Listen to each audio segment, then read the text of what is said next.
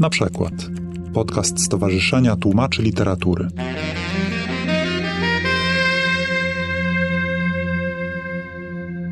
W tym słowniku jest takie hasło, które się nazywa czarnolas i które jest tłumaczeniem angielskiego pojęcia black stuff. Ja Państwu przeczytam, bo ono jest króciutkie. To jest kraj między Paflagonią a Krym-Tatarią, pozostający pod władzą czarnej wróżki, która zawdzięcza ten przydomek swojej hebanowej laseczce. Znana jest z tego, że odwiedza wszystkie ważne chrzciny na całym świecie, obdarowując każde dziecko pierścieniem albo różą.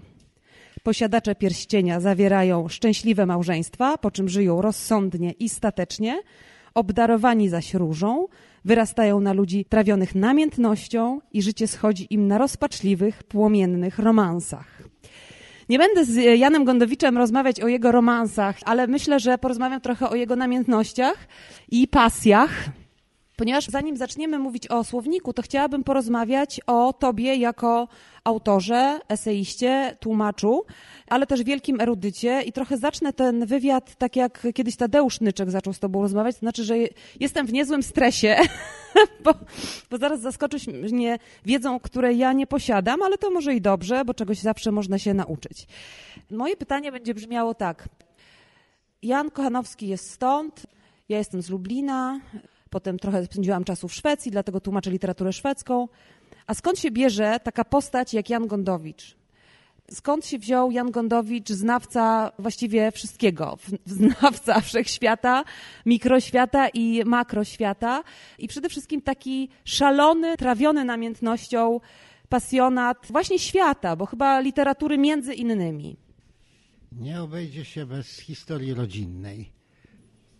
Moja matka jest z Bydgoszczy, ojciec z Lwowa, tylko wojnie można było przypisać, że się spotkali. Bardzo dziwna mieszanka kultur, która we mnie buzowała. Również z tego względu, że ojciec był namiętnym historykiem, amatorem, natomiast matka, która była pianistką, dostała posadę w nowo założonym teatrze Gulliver. Był to teatr i jest to teatr lalkowy w Warszawie na ulicy Różanej, ale czas był głęboko stalinowski i w związku z tym natychmiast po wybudowaniu budynku teatru powołano nowego dyrektora klasowo słusznego, którym był stolarz teatralny. Stolarz teatralny kazał sobie przynieść na biurko akta personalne i zobaczył, że pianistka, ta perka teatralna jest z pochodzenia burżujką i że ma w domu fortepian, bo takie rzeczy były wówczas w aktach zamieszczane. No to jak ktoś ma fortepian, to nie może pracować w Państwowym Zakładzie Pracy, nawet kulturalnym, choćby był i pianistą. W związku z tym matka została wyrzucona i została zatrudniona po wielkich trudach w objazdowym Teatrze Ziemi Mazowieckiej, który na ciężarówkach, na jednej ciężarówce jechał zespół śpiewający, na drugiej ciężarówce jechały dekoracje i w różnych remizach strażackich pokazywał socrealistyczne kawałki. I otóż okazało się, że większość osób z tego Teatru Ziemi Mazowieckiej, czyli wypędków z powodów polityki klasowej z teatrów poważnych, jest w jakiś sposób zaangażowana w bardzo dziwne przedsięwzięcie, całkowicie peryferyjne i nielegalne, które się nazywało Teatr Natarczyński. Teatr Natarczyński być może się Państwu kojarzy słusznie z nazwiskiem Milona Białoszewskiego, ale było tam kilkanaście osób, które przygotowywały spektakle.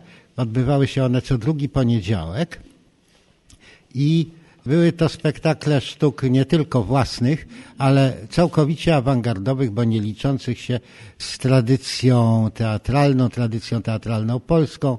Były to spektakle, w których e, na równych prawach z aktorami, którymi byli sami autorzy, grały marionetki, palce zaopatrzone w e, piłki ping-pongowe, malowane w ludzkie buzie, sylwetki wycięte z tektury, wszystko to możecie Państwo prześledzić w internecie, jeśli Was to interesuje. Mnie interesowało jako dziecko pięcio, sześcio, siedmioletnie to, że łaziłem na czworakach po dekoracjach przygotowywanych przez mojego tatę, słuchając jak matka wypróbowuje melodie, które mają służyć spektaklowi. W jednym garnku na kuchni węglowej pichcił się bigos, czy tam e, jakiś e, żur, w drugim klej stolarski, czasem mi się myliły łyżki, na ziemi leżały kartony i bristole i papier pakowy i jakieś szmaty, czasami rozmaite rzeczy wygrzebane z gruzów, których w Warszawie było wtedy pełno, a już zwłaszcza w okolicy Tarczyńskiej, więc dworca zachodniego.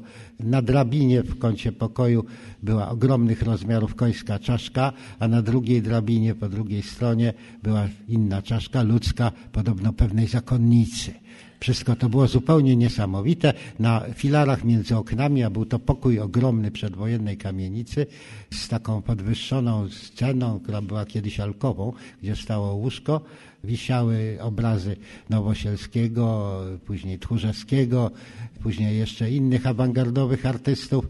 Po tym wszystkim łaziły dwa żółwie, które się nazywały Mercedes i Benz, przez E oczywiście.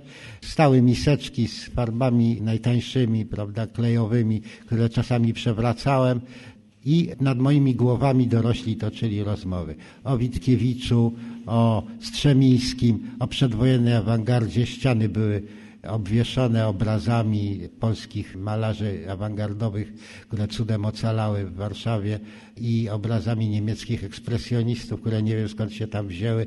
Przy samym wejściu stała ogromna figura z dębu wyciosana, ściśle realistyczna, przedstawiająca kobietę. Ta kobieta to był posąg idealnej Niemki, typu rasowego, jaki miał przyświecać e, tak zwanym czyli miejscom, gdzie się mieli rozmnażać pracowicie Niemcy według kryteriów rasowych. Wszystko razem było ściśle w nastroju surrealistycznym, jeżeli jeszcze zwłaszcza dołączymy piec, na którym była kredą, znaczy właśnie węglem na, na, na, na wapnie wypisana sentencja uważajmy, żeby nie zarosły za nami ścieżki pragnień. I tam, i, tam, I tam dostawałem książki do czytania z przedwojennych bibliotek, ocalane z gruzów. I absolutnie nie liczono się ze mną, że mam 6 czy 7 lat. Nauczyłem się czytać mając 3 lata czy 4. W każdym razie dostawałem na przykład książkę doktora Ochorowicza, przyjaciela Bolesława Prusa, o tym, jak to mumie preparowano w Egipcie i jak to im prawda, mózg wyciągano haczykiem przez nos. Oddawałem tę książkę po tygodniu, to dostawałem książkę o smokach y, profesora Belszego z Berlina, przetłumaczoną. Oddawałem tę książkę i dostawałem Golema Meirinka o niesamowitych cudach dziejących się w getcie praskim pod koniec XIX wieku. Po czym oddawałem tę książkę i dostawałem książkę entomologa francuskiego, który się nazywał Jean-Henri Fabre, który pisał o obyczajach owadów, o tym, jak to modliszka zjada swojego partnera w czasie aktu seksualnego, prawda, a co robi pajęczyca pająkowi z takich podobnych okolicznościach, prawda. Oddawałem tę książkę i dostawałem jeszcze jakąś inną, nie będę wyliczał. W każdym razie, jeśli nawet rozumiałem z tego jedną dwudziestą, to nasiąkałem klimatem. I ponieważ naokoło wszyscy absolutnie byli cholernie inteligentni i cholernie oczytani, to myślałem, że po prostu dorosłość na tym polega. I, i zacząłem tak kombinować i tyle czytać, żeby móc doszlusować do tych, którzy mnie otaczali. Teraz czuję się czasami trochę dziwnie, kiedy widzę, że nikt nie czyta różnych dziwnych rzeczy, które ja czytałem i uważam za oczywiste i że wszyscy je znają.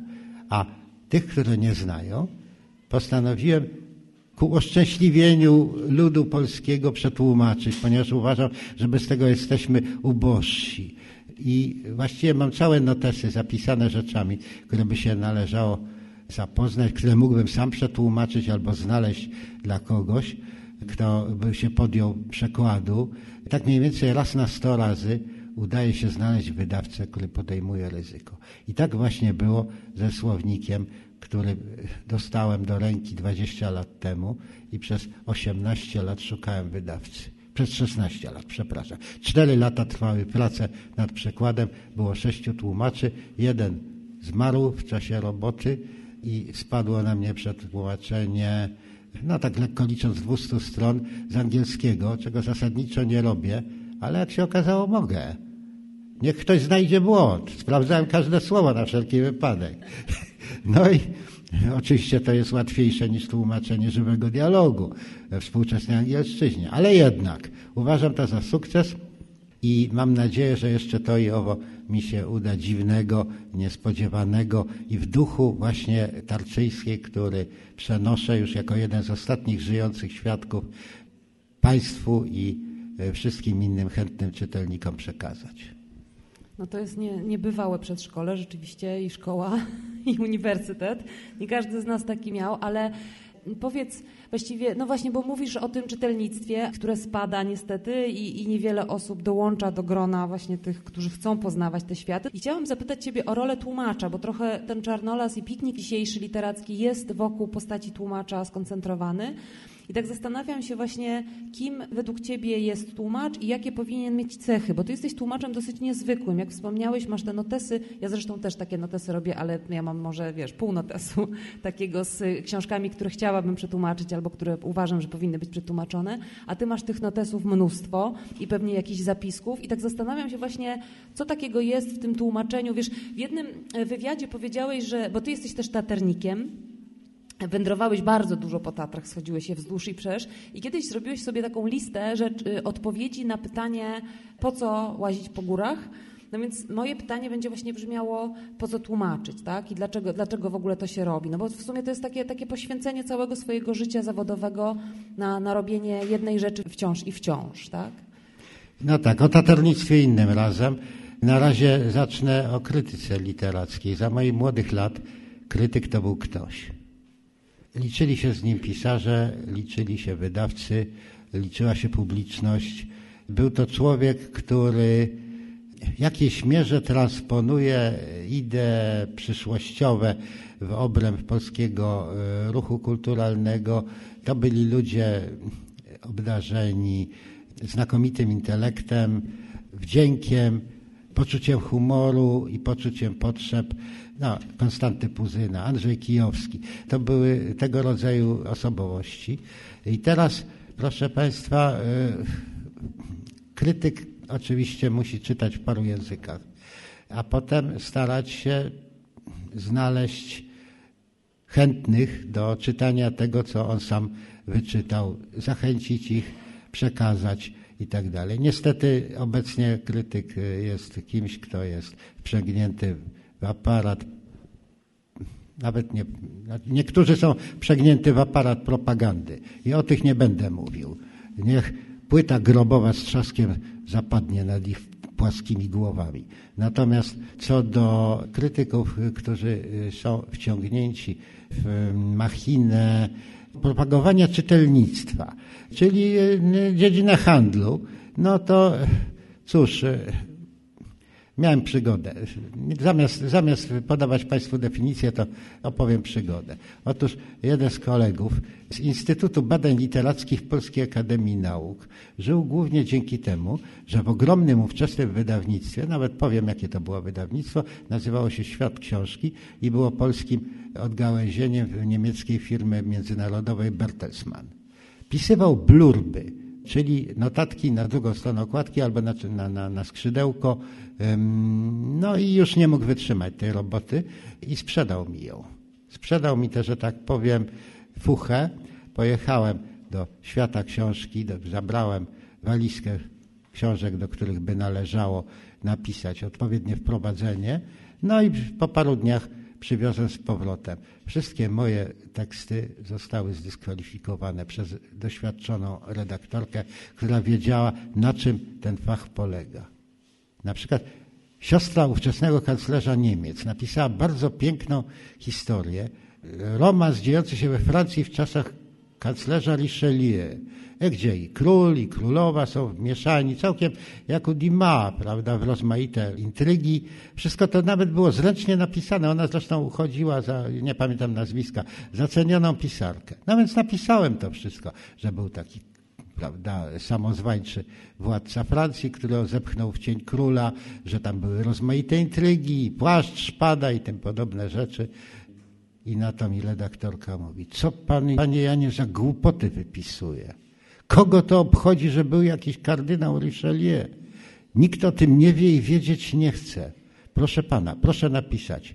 Krwawy romans, trucizna, seks i morderstwa. I nic więcej nie trzeba. Bo wie pan, jak pan pisze coś, czego przyszły potencjalny czytelnik nie wie, to on się obraża. I tutaj przytoczę dokładnie, bo uny są obrażliwe. Zapamiętałem ten głos. I do, do tego mniej więcej sprowadza się dzisiaj w znacznej mierze krytyka. Do tego, żeby w ogóle ktoś ubłagany zechciał wziąć książkę do ręki. Otóż dla mnie przekład był zawsze dziedziną rozszerzającą moją działalność jako krytyka literackiego.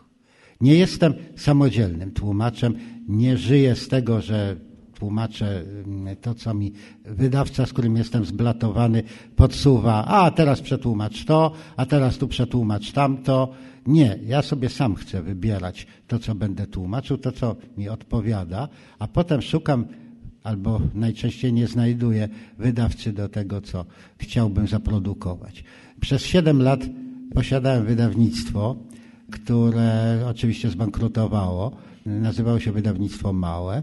Wydaliśmy 37 książek, to nie jest dużo przez tyle lat, ponieważ ciągle musieliśmy robić jakieś fuchy, zlecenia dla innych wydawnictw, żeby móc zapłacić podatki. Już nam zdejmowali raz licznik, kiedyś elektryczny, a innym razem sprzedaliśmy wszystko, co wisiało na ścianach, żeby nie wylądować z komornikiem na karku. No i w pewnym momencie uznaliśmy, że trzeba tę firmę zamknąć.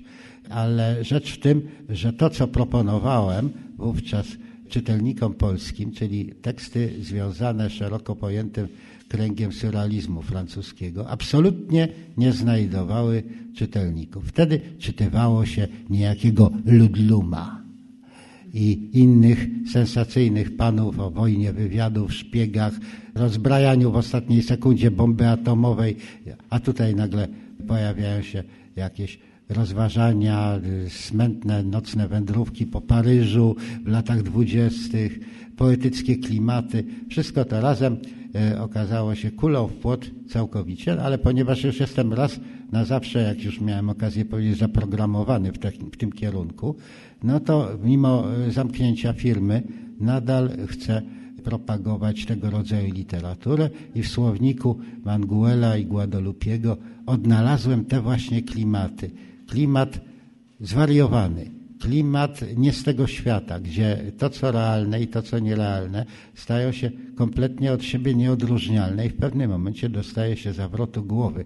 To jest coś w rodzaju kotła czarownic, z Macbeta, czy z, jeżeli ktoś nie pamięta Macbeta, to z Kordiana Słowackiego, do którego powrzucane są rozmaite, niesamowite rzeczy. Szczury, jadowite węże, palce czarownic, jaszczurki, skrzydła kruka, oka jastrzębia i tym podobne rzeczy, z których w tym kotle się gotuje jest jaka zupa, z tej zupy wstaje opar i w tym oparze każdy, kto tę książkę bierze do ręki, w pewnym momencie musi się zanurzyć. Dla niektórych to jest trujące, dla innych upajające. Dla mnie było to odkryciem, że w gruncie rzeczy tak jak ludzkość składa się, no powiedzmy, z 7 miliardów osób żyjących i z jakichś 200 miliardów osób, które żyły od początku świata, tak literatura składa się z tych, powiedzmy, tam dzieł, które akurat teraz są pod prasą drukarską albo są na tyle niedawno wydrukowane, że jeszcze o nich pamiętamy, oraz z tych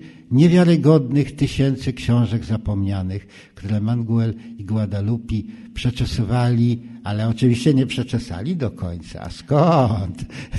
Na tym polega cała zabawa, że to jest dzieło otwarte, że nie można właściwie nigdy go dopełnić, że kolejne tomy należałoby wydawać tej samej grubości. I to jest właśnie porywające dla takich jak ja i tłumacząc tę książkę w pewnym momencie poszedłem do wydawcy i powiedziałem, żeby napisać do autora, do Manguela, który prowadzi interesy tej książki i żeby dołączyć koniecznie hasła z literatury polskiej, z której było tylko jedno, jedyne hasło, mianowicie Sanatorium pod Klepsydrą z prozy Brunona Szulca.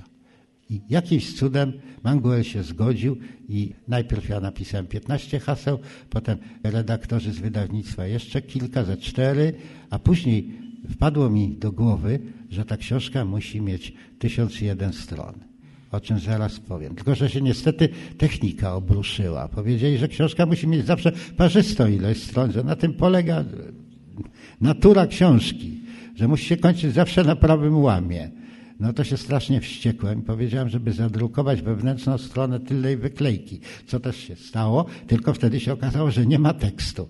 Powiedziałem wtedy, nic nie szkodzi, dajcie tylko paginę 1001, a tekst się znajdzie, ponieważ dwa miesiące wcześniej napisałem felieton w piśmie Nowe Książki, gdzie mam felieton od lat 21, nie opuściłem ani miesiąca, a piszę tam od zawsze, od 71 roku. Otóż napisałem felieton o pisarce polsko-żydowskiej z Lwowa, która się nazywa Debora Fogel, była przyjaciółką Szulca i Witkacego i napisała niesamowitą prozę, która ma za temat miasto zamieszkałe przez manekiny. I o tym mieście manekinów, taki Vogelburg, miałem już gotowy, napisany, tylko przerzucić do słownika, co też się i stało. A dlaczego mi zależało na tysiące jednej strony? Każdy z Państwa pomyśli sobie i słusznie, że chodziło o tysiąc jedną noc. To oczywiście nie jest błędne, ale Alberto Manguel za młodu był przez kilka lat lektorem niewidomego pisarza, którego kulcie żyje, Argentyńczyka nazwiskiem Jorge Luis Borges autora niesamowitych, krótkich, stężonych, jak nie, twardych nieomal jak galareta, jak mgła w listopadzie, opowieści, które liczą tylko kilka stron i można nad nimi myśleć do końca życia. On mu czytał książki, a później dyskutowano o tych książkach. Dyskutowali obaj. Otóż Manguel, a więc borgesista ze swojej, tak powiem, najgłębszej istoty, na pewno musiał pamiętać o najsławniejszym z opowiadań Borgesa napisanym w 1944 roku, które się nazywa Tlön Ukbar Orbis Tertius. Te trzy tajemnicze słowa, no, odsyłam do samego opowiadania. Pierwsze z tych trzech tajemniczych słów oznacza pewną krainę nieistniejącą, która została opisana w artykule pewnej encyklopedii, która była powtórzeniem nawet przedrukiem e, Encyklopedii Brytaniki w Ameryce, w Stanach Zjednoczonych, tylko że egzemplarz, który trafił do narratora, którym jest sam Borges, miał jedną stronę dodaną. I tam był właśnie artykuł o Ugbarze. Przez dłuższą część opowiadania narrator i jego przyjaciel latają po wszystkich księgarniach, wypożyczalniach, bibliotekach miasta Buenos Aires i szukają innego egzemplarza tej encyklopedii, żeby zobaczyć, czy tam również jest artykuł o Ugbarze. Nie. On został wklejony w sposób idealny tylko do tego jednego, jedynego egzemplarza, który nie wiadomo jak długo krążył, aż natrafił na tego czytelnika, o którego chodzi.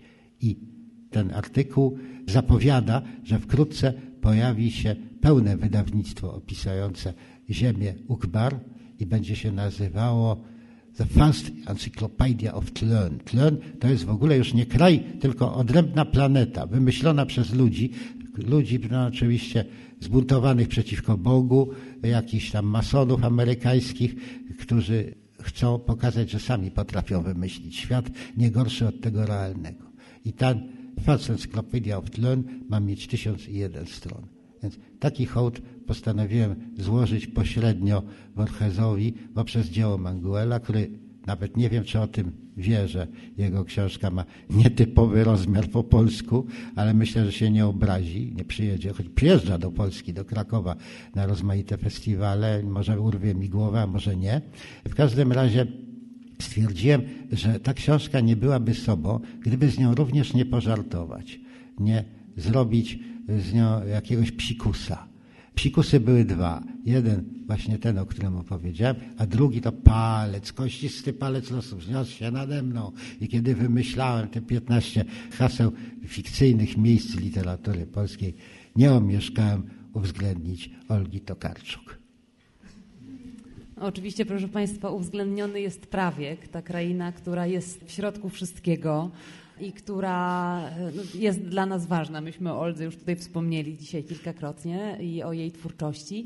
E, no właśnie wspomniałeś o bardzo ważnej rzeczy, mianowicie o radości z pracy, tak? I, i o psikusach i o takiej wielkiej frajdzie, bo ja mam wrażenie, czytając twoje przykłady i twoje książki, wywiady z tobą, również słuchając ciebie teraz, mam wrażenie, że ty po prostu świetnie się bawisz. To jest bardzo poważna rzecz, erudycyjna, wymagająca olbrzymiego namysłu, niekończącej się pracy właśnie nad e, czytaniem i myśleniem, ale przede wszystkim chyba to jest taka dobra zabawa, tak? No, rozmawiamy tutaj bardzo poważnie. Książka ukazała się w Państwowym e, Instytucie Wydawniczym. Kosztuje Siedzimy w ogóle w kaplicy. To wszystko jest takie, wiesz, z wielkim namaszczeniem, ale też faktem jest, że to sprawia nam wielką, wielką frajdę i daje dużo radości przede wszystkim, tak? No więc to jest kwestia, która zachęca do życia ludzi przebywających na marginesie, tak jak się mnie to zdarzyło. Kariery akademickiej nie zrobiłem, bo kazano mi w moim doktoracie, który był już poważnie zaawansowany, potępić Maurice'a Merleau-Pontiego, o którym pisałem. E, To był taki filozof, egzystencjalista zajmujący się fenomenologią percepcji, między innymi dzieł literackich. Miał bardzo z dzisiejszego punktu widzenia niewłaściwe poglądy na obozy koncentracyjne w Rosji Sowieckiej, ale bynajmniej nie to mi kazano potępić, tylko to, że jest burżuazyjnym przedstawicielem zdegenerowanych, jakiś tam już nie pamiętam, kapitalistów czy orężem wojącego imperializmu. Mój promotor niestety okazał się człowiekiem, który udziela cenzurze instrukcji, jak czytać metafory poetów nowej fali.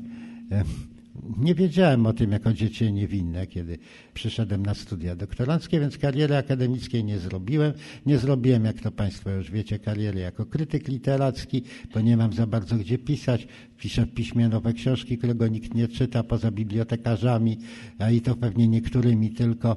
Nie zrobiłem kariery jako wydawca. Została mi tylko kariera, jakby to powiedzieć, loży szyderców. Mam stołek w kącie, Patrzę na to, co się dzieje i sobie podrwiwam. Efekt oczywiście jest e, widomy i oczywisty. 23 maja tego roku wyszła moja książka, piąty tom esejów, który wydałem. Pokażę go, bo go zabrałem na wszelki wypadek. Nazywa się Czekając na Golema. To nie mój tytuł, tylko tytuł wydawczyni. Miało się to nazywać Wyobraźnia zbuntowana, ale uznano, że jest to tytuł za bardzo w stylu lat 50. i 70. Skutek jest taki, że książka ma taki tytuł, jaki ma. Minęły cztery miesiące od jej wydania, ani jednej recenzji. Martwo urodzona, ale czy ja się tym przejmuję? Nie przejmuję się, nie zarobiłem na niej ani grosza, ale nic na niej również nie straciłem. Napisałem w niej, co chciałem. Tekst jest integralny, nikt mi się w niego nie wtrącał, jest pełna wolność. Tylko, że to są, proszę Państwa, trochę kwiny literackie. Pamiętam pani profesor Szpakowska, znakomita badaczka z pogranicz literatury i socjologii literatury, powiedziała, panie Janie, ja nigdy nie wiem, kiedy pan drwi, a kiedy pan o drogę pyta. I coś takiego w sobie mam, czego nie, nie chcę przewalczyć. Po prostu nie chcę być poważny, używać długich wyrazów, cztery sylaby minimalne, przytaczać cudzych poglądów oraz aplikować cudzych akurat modnych teorii jakichś Francuzów czy innych Amerykanów do rozważań nad tekstami, którymi akurat mam fantazję się zajmować. To mnie w ogóle nie interesuje. Mam zupełnie inny dar, którym się Państwem podzielę. Jest w tym coś chorego, ale nic na to nie poradzę. Ja mianowicie rozumiem, co czytam. I od czasu do czasu doznaję objawienia, że nikt nie zauważył czegoś, co udało mi się zauważyć. I w tym momencie zaczyna się zabawa, zaczyna się szaleństwo, zaczyna się śledztwo i ta moja książka i te poprzednie w znacznej mierze są dziedzictwem takich właśnie śledztw, które przeprowadzałem na własną rękę, czasami bardzo pracochłonnych, a czasami wymagających tylko sięgnięcia po półkę, po jedno czy drugie wydawnictwo encyklopedyczne. Żeby nie być gołosłownym, opowiem tylko o jednym. Napisałem książkę o Brunonie Szulcu, wyszła pięć lat temu. Między innymi postanowiłem wszystkie wydarzenia, które opisane są w kolejnych nowelach tomu sklepy cynamonowe, umieścić na jednej osi czasu bo wszystkie one prawie za wyjątkiem jednego opowiadania, sierpień, toczą się w zimie. No więc postanowiłem zobaczyć, jak one się mieszczą w czasie. Które były wcześniejsze, a które późniejsze. Szulcologowie, których jest legion, jakoś nie zadawali sobie tego prostego pytania. I okazało się, że przy pomocy łyżki do butów można to jakoś ze sobą w miarę zharmonizować. Ale wtedy pojawiło się drugie pytanie. No dobra, ale kiedy właściwie się to dzieje? W czasie już nie wewnętrznym, tym bocznym czasie szulcowskim, tylko realnym, historycznym na przykład. Czy na przykład Bruno nie zamieścił jakiegoś tropu, który by pozwalał ulokować to w czasie? I nagle oko moje zwróciło się na opowiadanie, które poprzedza trzy sławne traktaty, które ojciec narratora wygłasza na temat manekinów.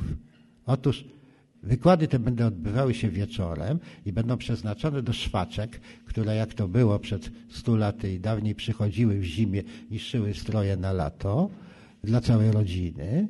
Ale tym razem jest jeszcze pora wcześniejsza, tego samego dnia. Jest to południe, jest podawany obiad i przychodzą subiekci ze sklepu, który prowadzi ojciec narratora i przychodzi matka prawda, z półmiskiem i podaje danie obiadowe. A to danie obiadowe to są dwie ogromne ryby pływające w galarecie, zwrócone do siebie ogonem do łba i łbem do ogona. I narrator powiada jakby nie, nie w związku z niczym, nie pliczą, jak mówią Rosjanie. I w tym momencie zwykły piątek przestał być zwykłym piątkiem. I nagle uświadomiłem sobie, że to, co Schulz odmalował, jest niczym innym niż znakiem zodiaku, przedstawiającym zodiakalne ryby. Ostatni znak zodiaku.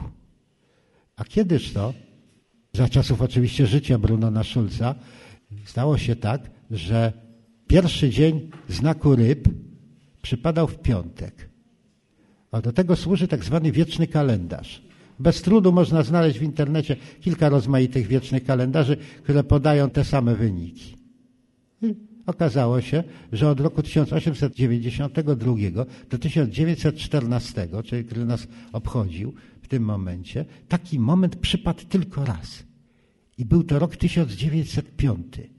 Bruno, czyli narrator, chłopięcy narrator tej książki, ma wtedy 12,5 roku, czyli dokładnie wtedy, ile trzeba.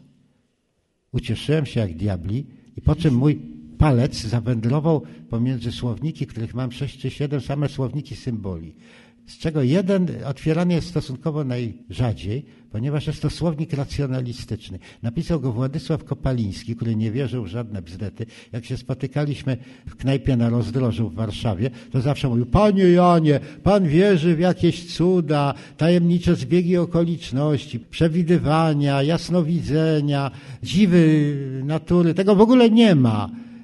Albo coś jest, albo czegoś nie ma. A pan, chociaż jest pan bezbożnikiem, to jeszcze pan jest na dodatek przesądnym bezbożnikiem. No, w związku z czym e, przypadkowo właściwie wziąłem ten słownik Kopalińskiego, słownik symboli, otwarłem na haśle ryby i przeczytałem mniej więcej coś takiego. Najbardziej niesamowity, melancholijny, pełen tajemnych mocy znak zodiaku, w którym dopełniają się losy, do którego odwołują się wszyscy alchemicy, magowie, czarodzieje i tak. Jedyny, w którym spełniają się zadania sięgające sfery mistycznej i tak dalej, i tak. W tym słowniku. Nagle mi to objawiło. Oczywiście Bruno to wszystko musiał wiedzieć. Wszystko. I takie spostrzeżenia, które rzucają nowe światło na coś, co wszyscy czytali i przepuszczali między palcami, jako normalny kawałek tekstu.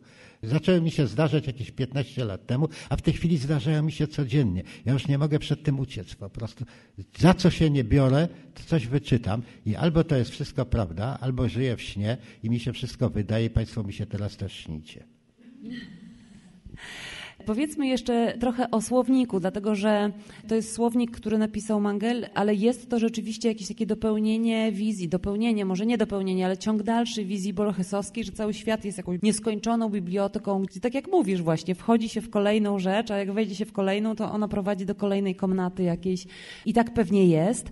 Ale tutaj mamy taki ten świat właśnie biblioteczny i świat wyobrażony przede wszystkim, prawda? Tutaj są opisane te przestrzenie, które nie znajdziemy w rzeczywistości, a które znajdziemy a i owszem, w, właśnie w literaturze. Czyli czytelnik zabierający się za taki słownik powinien mieć już jakiś punkt zaczepienia, tak? powinien mieć przynajmniej chęć wejścia w to.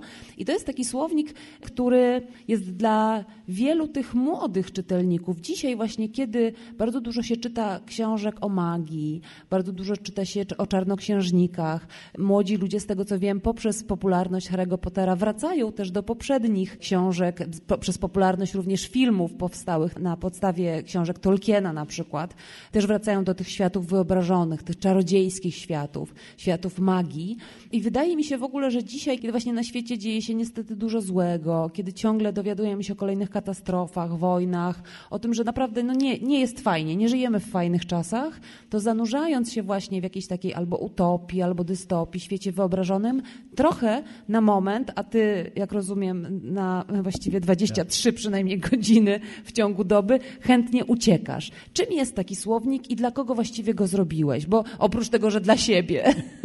No, ten słownik y, budził moje emocje w momencie, kiedy się zorientowałem, że wyszedł w Rumunii, wyszedł w Bułgarii, wyszedł na Ukrainie, wyszedł w Gruzji, tylko Polska go nie ma.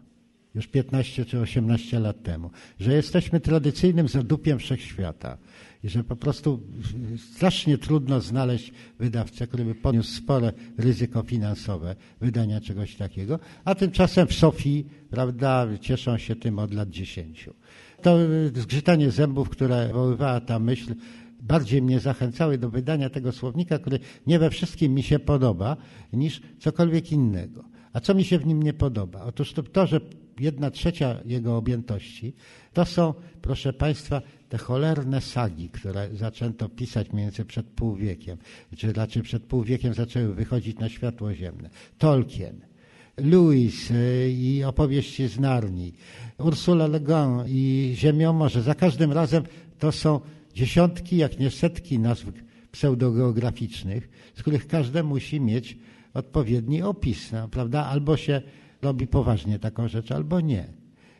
Szczerze mówiąc, nie jestem miłośnikiem tej literatury, a praca nad redakcją tego słownika, oprócz tego, co przetłumaczyłem, dwukrotnie go zredagowałem, raz z grubsza, raz do druku, wymagała przeczytania tego wszystkiego i robienia sobie notatek. Można było oszaleć. Druga warstwa tego słownika, która nie za bardzo mi się podoba, to jest coś, co przyszło gdzieś w XVIII wieku, mianowicie ogromna fala utopii, pomysłów na społeczeństwo doskonałe. Jak się czyta te różne e, ikarie, utopie, rozmaite idealne społeczeństwa zakładane na egzotycznych wyspach czy na odległych kontynentach, to po prostu mróz przechodzi. To wszystko, co najstraszniejszego, co e, może w takiej geometrycznej, zimnej wyobraźni ludzkiej powstać. Nie, nie, życzę nikomu, żeby zamieszkał na przykład w Ikarii Kabeta albo w państwie Słońca Campanelli. To są straszliwe krainy pod inwigilacją władzy, gdzie wolno stąd dotąd i ani kroku dalej i gdzie wszelka spontaniczność ludzka jest całkowicie otamowana.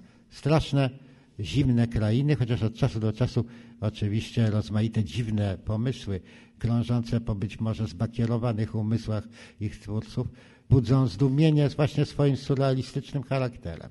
Trzecia rzecz wzbudzała moje moralne zastrzeżenia, mianowicie w drugiej połowie XIX wieku na fali powiedzmy szeroko pojętego kolonializmu zaczęto opisywać nie tylko pseudo podróżniczych książkach wyprawy do miejsc jeszcze nieodkrytych, których być może są tajemnicze królestwa i rządzą dziwni władcy o osobliwych obyczajach, zwłaszcza krwawych albo seksualnie zboczonych, ale także zaczęto opisywać wyprawy do środka Ziemi, gdzie podobno istnieje też świat, prawda, któremu przyświeca księżyc podziemny, Ziemia jest pusta w środku.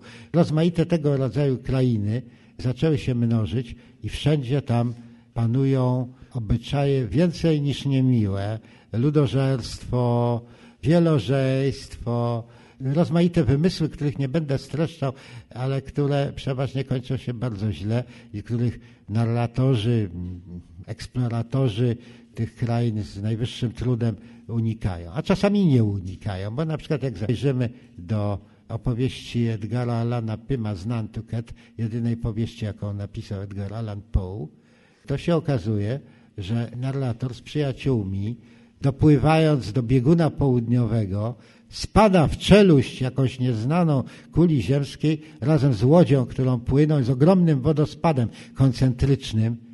No dobra, no ale w takim razie kto napisał te notatki i jakim cudem one wychynęły z powrotem na powierzchnię? Prawda? Takich historii jest tutaj wielka mnogość i przeciw nim mogę przeciwstawić tylko trzy grupy tekstów, które naprawdę kocham. Strasznie kocham szyderców antycznych, takich jak Lukian, którzy wymyślali, że na Księżycu mieszkają ludzie ubrani w szklane futra i że na Księżyc można się dostać po szybko rosnącej łodydze fasoli albo bobu.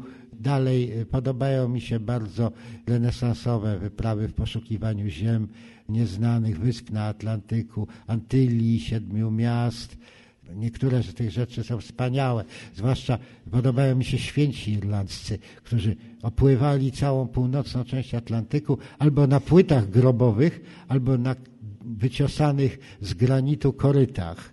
Jakoś ich niosło. Jak wiadomo, jednym takim wspaniałym, zresztą noszącym historyczne miano, świątobliwym podróżnikiem był niejaki święty Mael, który dopłynął na pewną wyspę północną i ponieważ był bardzo już starym człowiekiem, nie za bardzo dowidząc, zobaczył, że jest gęsto zamieszkała przez bardzo sympatyczne istoty, trochę od niego niższe wzrostem, a ponieważ był szczęśliwy, że nareszcie ma towarzystwo, to wszystkich ich hurtem ochrzcił. Niestety, jak wiadomo, nie byli to ludzie, tylko pingwiny. A ściśle mówiąc, były to alki olbrzymie, obecnie wyginione, ale już nie będę wnikał w szczegóły. Krótko mówiąc, w niebie nastał straszliwy popłoch, co zrobić z ochrzczonymi ptakami?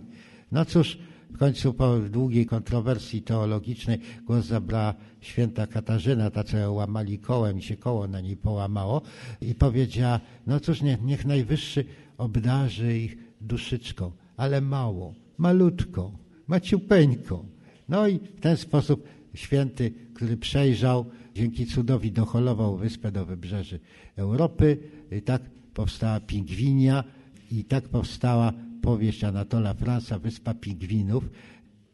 No wyobraźmy sobie teraz, że ktoś pisze historię Polski, która zaczyna się od takiego epizodu, że Polacy, owszem, zostali docholowani do stałego lądu i owszem, zostali obdarzeni duszyczką, ale tylko z łaski. I taką małą, najmniejszą, jaka jest możliwa, żeby w ogóle można było o nich mówić jako o istotach ludzkich.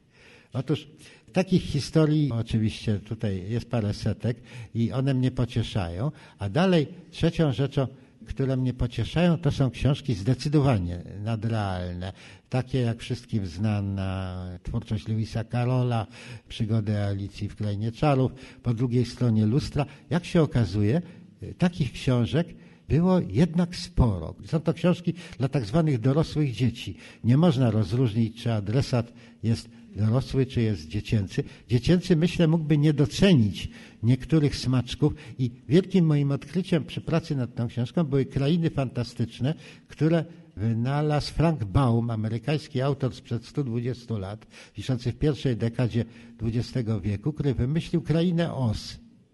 A w tej krainie Oz mnóstwo podkrain, co jedna jest bardziej niesamowita. A drugim takim odkryciem, które mam nadzieję, że się znajdzie jakiś wydawca, nawiązuje do wiecznego mojego wątku, który to wreszcie wyda.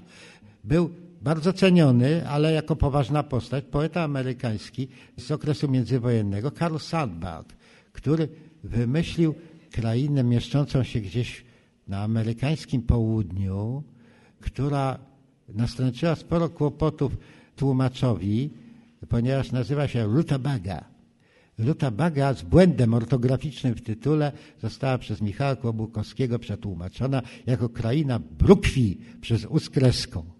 I to, co się tam dzieje, jest po prostu, ponieważ jest tych opowieści z Brukwi około 20 w tej książce, za każdym razem, jak się ją przegląda i natrafi się na opowieść z Brukwi, to po prostu człowiek zaczyna lewitować pod sufitem ze szczęścia, że jest ktoś, kto był obdarzony tak fantastyczną wyobraźnią i potrafił tak dowcipnie miotać absurdy, że nie można się oderwać od narracji. No ja y, reklamując tę książkę chcę tylko powiedzieć, że jest to dosyć fantastyczne, że obok encyklopedii, takiej tradycyjnej encyklopedii, którą mamy na półkach albo po prostu w internecie już to jest teraz. Kpina z encyklopedii. Tak, to jest kpina z encyklopedii. To znaczy zamiast szukać y, kolejnego nazwiska, jakiegoś wybitnego człowieka albo szukać właśnie jakiegoś miejsca, o którym i tak wiemy z newsów na przykład, że albo coś tam się stało, albo jakaś katastrofa, albo jest tam za ciepło, albo za zimno, albo toczy się tam wojna, albo wybrali nie tego polityka, którego trzeba to właśnie można się zanurzyć w takiej encyklopedii, która... Bardzo poważnie potraktowane. Tam są indeksy. Można wszystko wyszukać. Tak. Indeks nazwisk, indeks tytułów, oryginalnych, tłumaczonych. To wszystko sprawia absolutnie rzetelne wrażenie, że mamy do czynienia z twardą, stężoną wiedzą, prawda? Dwa kilo informacji. Tylko cała ta informacja jest wyssana z grubego palca. Tak. Wyssana z grubego palca. Jest tam Między innymi możemy w bardzo taki poważny, encyklopedyczny sposób przeczytać o Akademii Pana Kleksa. Proszę Absolutnie Państwa, niedocenionej moim zdaniem. To genialna książka. Czy może ktoś z Państwa ma jakieś pytanie? Czy ja mam komentarz pochwalny i, i zastrzeżenie. E, no, komentarz pochwalny to jest taki, że no dzisiaj encyklopedii to już nikt nie kupuje, bo encyklopedia jest w internecie. Jedynym wyjątkiem to są takie encyklopedie, które nigdy się nie znajdą w internecie. I to jest właśnie taka encyklopedia. Natomiast zastrzeżenie najłatwiejsze pod słońcem, to znaczy czego tam nie ma. I można by wyliczać godzinami po prostu, czego tam nie ma. Natomiast tak jak ja to przeglądałem luźno, to wygląda mi na to, że jest to encyklopedia czy taki zbiór, który jest strasznie chrześcijańsko-centryczny. Bardzo niewiele rzeczy jest spoza kręgu kultury chrześcijańskiej, a to, co uruchomiło to moje ten, to poszukiwania rzeczy z kultury żydowskiej. Na przykład okropnie tam brakuje hasła pod tytułem Pardes. Pardes, ogród zakazanej wiedzy, ogród początku i ten. Nie ma także miejsca indyjskie, których, których nie ma. Znaczy to nie jest do Pana, bo to, to, to powinno być do autora, ale no, jednak. Słownik jest europocentryczny, na co nie ma rady, jeżeli miał być interesujący dla Europejczyków. Ja oczywiście wielokrotnie zwracałem uwagę na tę przewagę skojarzeń chrześcijańskich, ale nie ma tam na przykład miejsc za światów, nie ma raju, nie ma piekła z zasady. Natomiast jeśli idzie o tematykę żydowską, ja nie wiem, czy można by poświęcić dwie minuty na przeczytanie jednego hasła. Bardzo proszę, tak. No, to przy okazji może Państwu dać pojęcie, jak wygląda prawdziwa, dzika wyobraźnia. Autorem hasła jest Szymon Anski, autor dybuka, przy czym tekst został zapożyczony z jego dzieł zebranych, wydanych w Warszawie w 1920 roku. I teraz pomyślmy sobie, jaki to wstyd, że Szymananskiego, klasyka literatury jidysz, czytamy w przekładzie z przekładu z przekładu. Trzecia wersja językowa, piętrowa. I teraz następuje coś, co się Gondowiczowi podoba.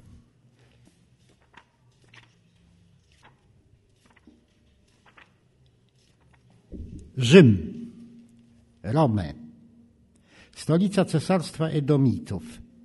Nie mylić z Rzymem stolicą Włoch. Przybyszom doradzić warto zwiedzenie Rzymu, choćby w celu ujrzenia ogromnej, nieopisanie pięknej wieży, sterczącej w samym środku miasta.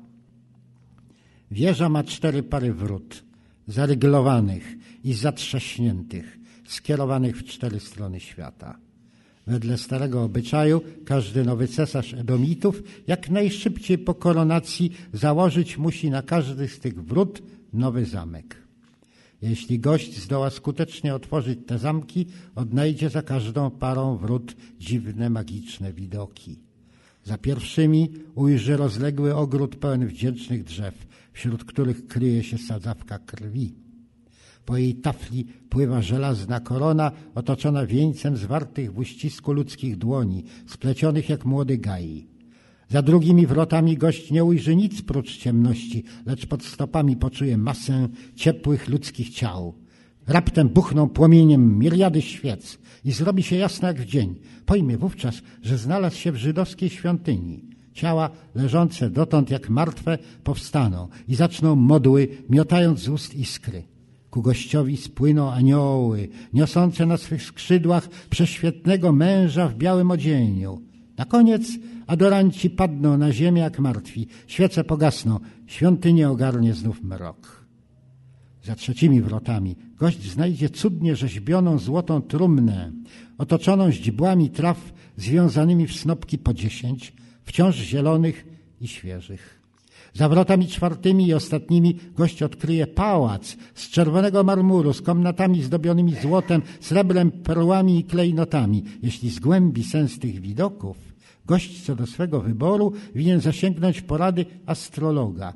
A liści, gdyby astrolog nakazał mu wejść w trzecie wrota, unieść wieko trumny i rozdzielić bastawy związane w snopki, gość otrzyma przestrogę, by tej sugestii nie brał pod uwagę. Pewien cesarz Edomitów posłuchał jej jednak i został napadnięty przez dwugłowe ciele, które ryknąwszy ogłuszająco rykiem wielce podobnym lwiemu, wystraszyło monarchę na śmierć. Jan Gondowicz.